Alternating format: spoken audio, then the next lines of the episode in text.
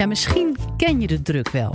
Ayahuasca uit het Amazonegebied. Nou, in Nederland wordt het ook steeds bekender, waarbij mensen onder begeleiding van een sjamaan het psychoactieve spul drinken en op die manier zoeken naar mentale bevrijding.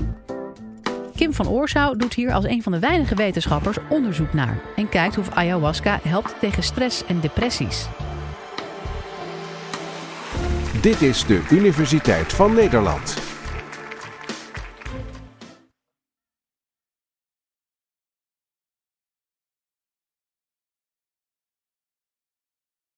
Nou, sinds kort doen wij in Maastricht onderzoek naar de effecten van ayahuasca op gezondheid en welzijn. En mijn vraag is, wie kent dit middel? Heeft u er al eens van gehoord?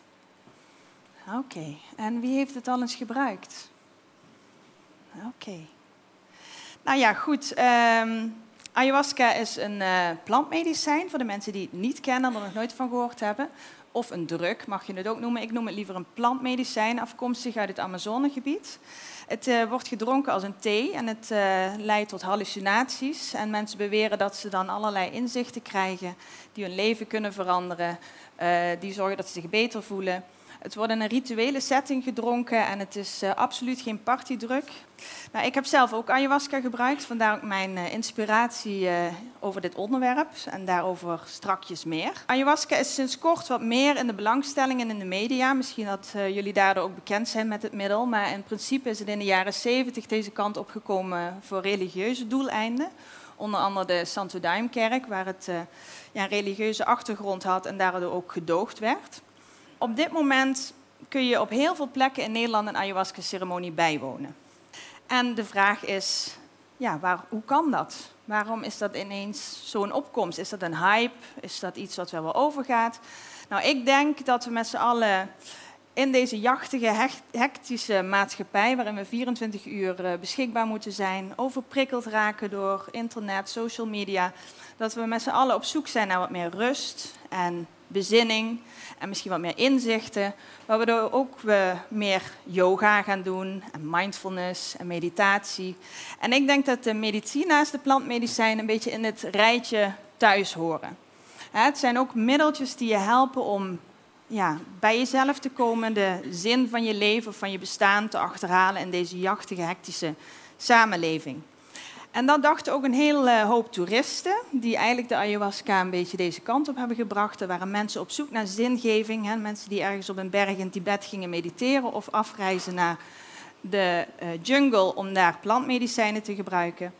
Die namen hun verhalen en hun ervaringen mee deze kant op, terug naar het westen. En zij nodigden ook shamanen uit om hier plantceremonies te komen houden. Dus zo is een beetje het medicijn deze kant opgekomen, of de druk, hoe je het ook wil noemen. En zo zijn wij ook in het onderzoek terechtgekomen naar dit middel.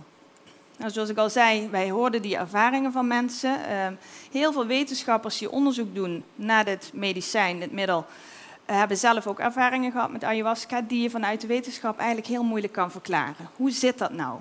En dat is ook de reden waarom wereldwijd eh, heel veel wetenschappers zich bezighouden met het onderwerp. Wat gebeurt er in het brein, wat gebeurt er in het lichaam, wat gebeurt er psychologisch. Uh, zo ook een student van mij, Malin Joutar, die intussen een driejarig promotietraject is gestart naar dit onderwerp, onder leiding van professor Raamakers en professor Riba, een Spaans farmacoloog uh, die zich al twintig jaar bezighoudt met de effecten van ayahuasca op het brein. En zij gaat de komende drie jaar nog meer onderzoek doen. En dit is een stukje van het onderzoek dat ik vandaag eh, met jullie deel. Maar over drie jaar weten we nog meer wat de effecten zijn van ayahuasca. Nou goed, zo is het onderzoek dus hier gekomen. Wil ik even terug met jullie naar de oorsprong. dus waar komt die ayahuasca nou vandaan? Nou, ik zei al, het Amazonegebied, de jungle. Uh, in de Amazone gebruiken maar liefst 75 inheemse stammen de plantmedicijnen als de basis van hun geneeskunde. Zij geloven dat het lichaam daardoor gereinigd wordt, uh, dat er allerlei fysieke uh, ongemakken verholpen worden, maar ook psychische ongemakken. Nou, uh, hoe lang geleden is dat ontstaan? Dat weten we niet precies. Die mensen waren ongeletterd, maar we vermoeden 2000 jaar geleden dat dat al begonnen is, misschien nog wel langer geleden. zij zeggen dat zij geroepen zijn door twee planten de, het blad van een ene plant en de wortel van een andere plant. In het Amazonegebied uh, groeien wel 80.000 verschillende soorten medicijnen of planten. En zij beweren dat deze twee planten toevallig of niet toevallig samen hebben gevoegd. En dat is de ayahuasca zoals we die nu kennen. Dat is op zich heel bijzonder dat, uh, dat deze samenstelling uh, zo moest zijn. Welke planten zijn dat? Dat is de Psychotria viridis. Dat is een hallucinogeen middel dat bevat DMT, het blad van één plant, en de Banisteriopsis capi, en dat is de wortel van een andere plant.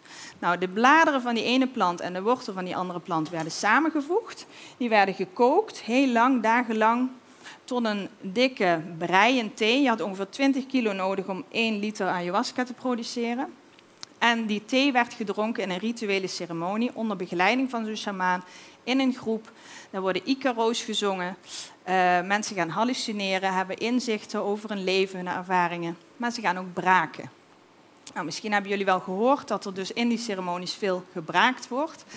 Dat braken zou twee redenen hebben. Volgens de shamanen enerzijds om het lichaam te reinigen van allerlei gifstoffen, ontgifting, en anderzijds een emotionele reiniging. En dat is ook wat de mensen die de ayahuasca gebruiken beschrijven. Dat zij emotionele trauma's kunnen oplossen of blokkades of wat dan ook. Nou goed, mensen drinken dus die thee, gaan braken, gaan hallucineren en er gebeurt van alles in het brein. Professor Riba heeft daar hele mooie studies naar gedaan.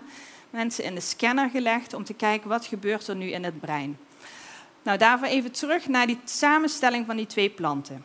We hebben dus dat blad van die ene plant, dat bevat DMT. En DMT zorgt ervoor dat er meer serotonine in het brein gaat circuleren, meer getransporteerd wordt. Nou, serotonine is een gelukshormoontje, een stofje waardoor wij ons blij en goed voelen en waar mensen die depressief zijn te weinig van hebben. Maar die DMT wordt in principe meteen afgebroken door ons lichaam. Het is ook een lichaams-eigen stof. We hebben allemaal DMT in ons, maar we hebben ook monoamine-oxidase in ons lichaam. En dat is een enzym in ons spijsverteringssysteem dat er eigenlijk voor zorgt dat die DMT, maar ook heel veel andere schadelijke stoffen, meteen wordt afgebroken en dus nooit dat werkende effect kan hebben. Daarom is die wortel van dat andere plantje zo belangrijk, namelijk die MAO-remmer. Dus die Banisteriopsis capi moet samen met dat blad worden toegediend, zodat die MAO wordt uitgeschakeld in ons spijsverteringskanaal. Zo kan die DMT zijn werk gaan doen en zo komt er dus meer serotonine in ons lichaam. Nou, dan denk je, nou oké, antidepressiva doen hetzelfde, zorgen ook voor meer serotonine. Ik ga dadelijk uitleggen dat die ayahuasca nog iets meer doet. Maar ik wil even stilstaan waarom het zo belangrijk is om dat dieet te volgen. als je een ayahuasca-ceremonie wil gaan doen, krijg je een voorschrift om zeker één tot twee weken van tevoren een dieet te volgen. Een tiramine-arm dieet. En de reden daarvoor is omdat er in die ayahuasca een MAO-remmer zit. En als we die MAO-remmer krijgen, gaan er allerlei stoffen in ons lichaam door die bloed-hersenbarrière, waardoor je hoofdpijn kan krijgen, duizelig kan worden, een hele hoge hartslag en bloeddruk. Dus mensen die zich niet in dat, aan dat dieet houden, kunnen tijdens zo'n ceremonie allerlei vervelende ervaringen hebben. Angstig worden, hoge hartslag, hoge bloeddruk. Daarom is dat dieet zo belangrijk. Goed, die twee stoffen samen zorgen dus voor een toename van serotonine aanmaak en transport door het lichaam. Dan gebeuren er drie dingen in de hersenen. En Jordi Reba heeft dat heel mooi laten zien op de scans. Dat is dus activatie, toename in het gehele brein. Vooral drie structuren zijn daarbij belangrijk. Er is dus een farmacologisch effect in de hersenen. Serotonine neemt toe. In de structuren, de hippocampus, daar worden onze herinneringen opgeslagen. Onze emotiecentra, onder andere de amygdala. En onze frontale hersenen. En die zorgen ervoor dat wij handelen of niet handelen, ons gedrag inhiberen. Een soort van natuurlijke rem en ook keuzes daarin maken. Um, wat Jordi Reba ook heeft laten zien, is dat er niet alleen toename van activiteit is in het brein, maar dat er ook een neurogenetisch effect is. Er worden nieuwe verbindingen aangelegd, andere verbindingen aangelegd en een hele vroegtijdige resultaten van uh, dierexperimenteel onderzoek heeft laten zien dat er ook nieuwe cellen worden aangemaakt in het brein. Dan is er nog een derde bevinding en die laat zien uh, of, of dat, dat, verwachten wij dat dat de verklaring is voor het therapeutische effect van ayahuasca. En dat is dat mensen hun herinneringen gaan herevalueren. Um, Ayahuasca-gebruikers zeggen bijvoorbeeld dat zij een soort van afstand kunnen nemen van alles wat ze eerder hebben meegemaakt. Dus ook vervelende ervaringen uit hun kindertijd, jeugd. Uh, afstand nemen door die activatie in het brein vermoedelijk, waardoor ze anders gaan kijken naar de dingen die ze hebben meegemaakt. Ga het even illustreren aan de hand van een voorbeeld. Stel, je bent vroeger gebeten door een hond. Je hebt een pijnlijke beet gehad van een hond en je bent bang geworden voor honden. Nou, je hebt dus in jouw hippocampus een herinnering aan die vervelende gebeurtenis, traumatische ervaring, gebeten door een hond. Uh, in jouw emotiesysteem is er een angstreactie uh, ontstaan. Hè? En in het frontale deel van jouw hersenen is het gedrag, als ik een hond zie of hoor, ren ik weg. Ja, dus die, dat paadje is min of meer aangelegd door die gebeurtenis in jouw brein. Elke keer als jij een hond ziet blaffen, uh, hoort blaffen of een uh, hond ziet, dan wordt dat pad geactiveerd waardoor je angstig bent voor een hond. Nou, door die enorme activatie in dat brein worden er dus allerlei andere paadjes geactiveerd en nieuwe verbindingen aangelegd. Dus als het ware, dat is dus dat afstand nemen van die herinnering, zijn dus mensen die zeggen, nou, die hond is toch een prachtig mooi dier dat hier op aarde leeft. En hoe kan ik nou bang zijn voor een hond? Dus na zo'n ayahuasca-ceremonie zijn zij plots niet meer bang voor een hond. Nou, dat zou kunnen verklaren waarom mensen met een posttraumatische stressstoornis, mensen met een ernstige depressie of een verslavingsprobleem, na één of enkele ceremonies daar geen last meer van hebben. Goed, dat is nog vrij hypothetisch, want we kunnen dat niet. Uh, dat, dat, dat, speculeren we. We zien dat alleen in hersenscans en we koppelen dat aan de beschrijvingen die mensen geven.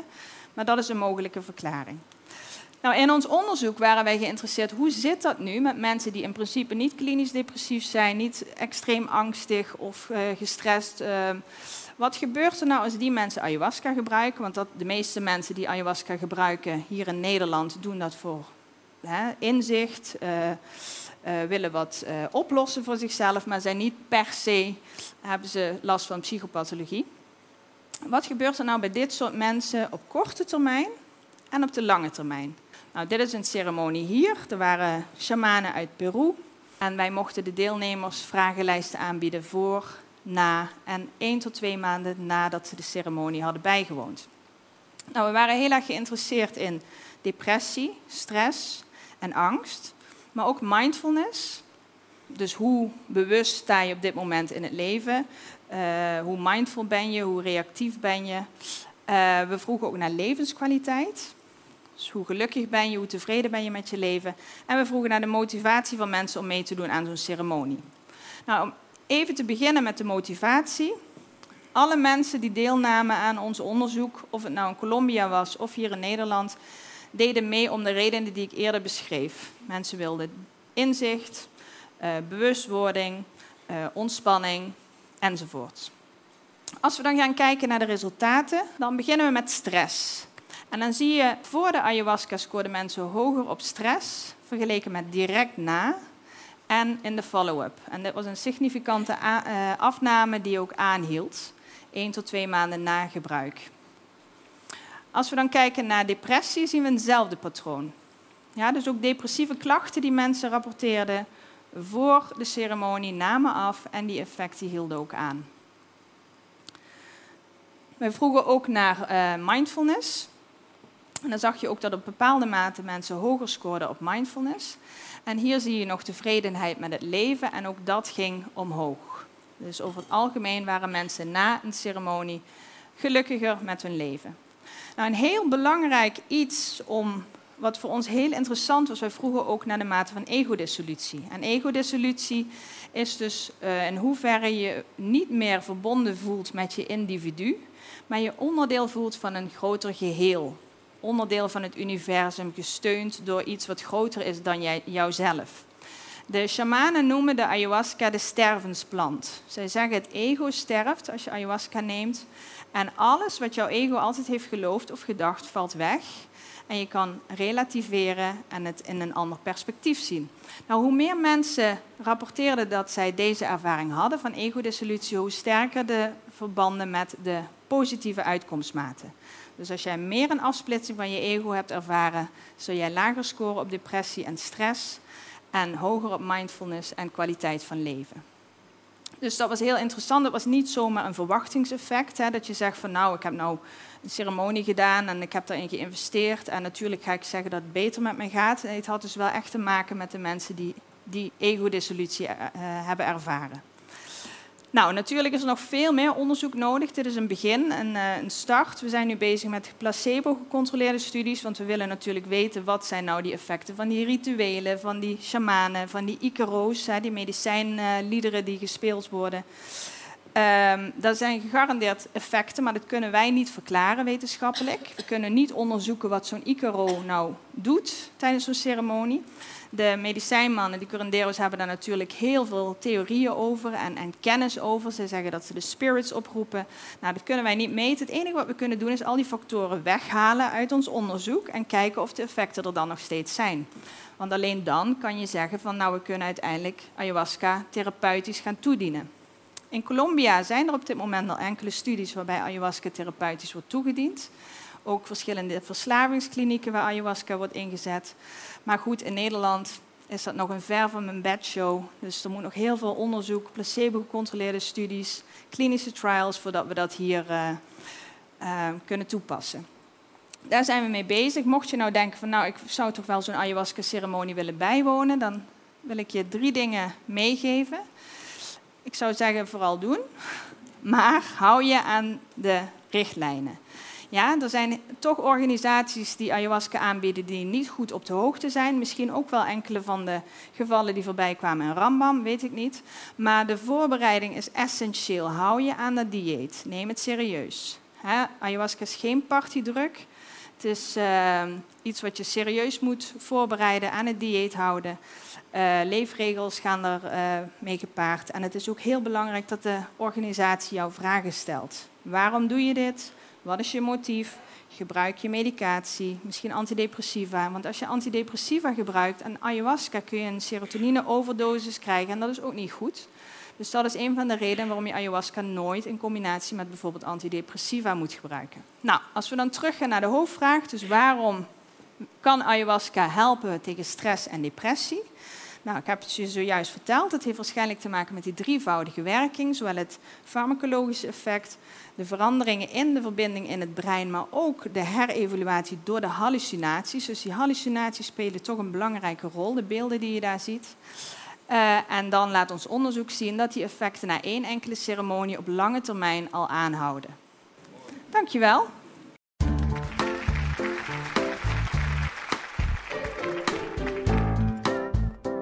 Dit was de Universiteit van Nederland. Wil je nou nog meer wetenschappelijke antwoorden op spannende vragen? Check dan de hele playlist.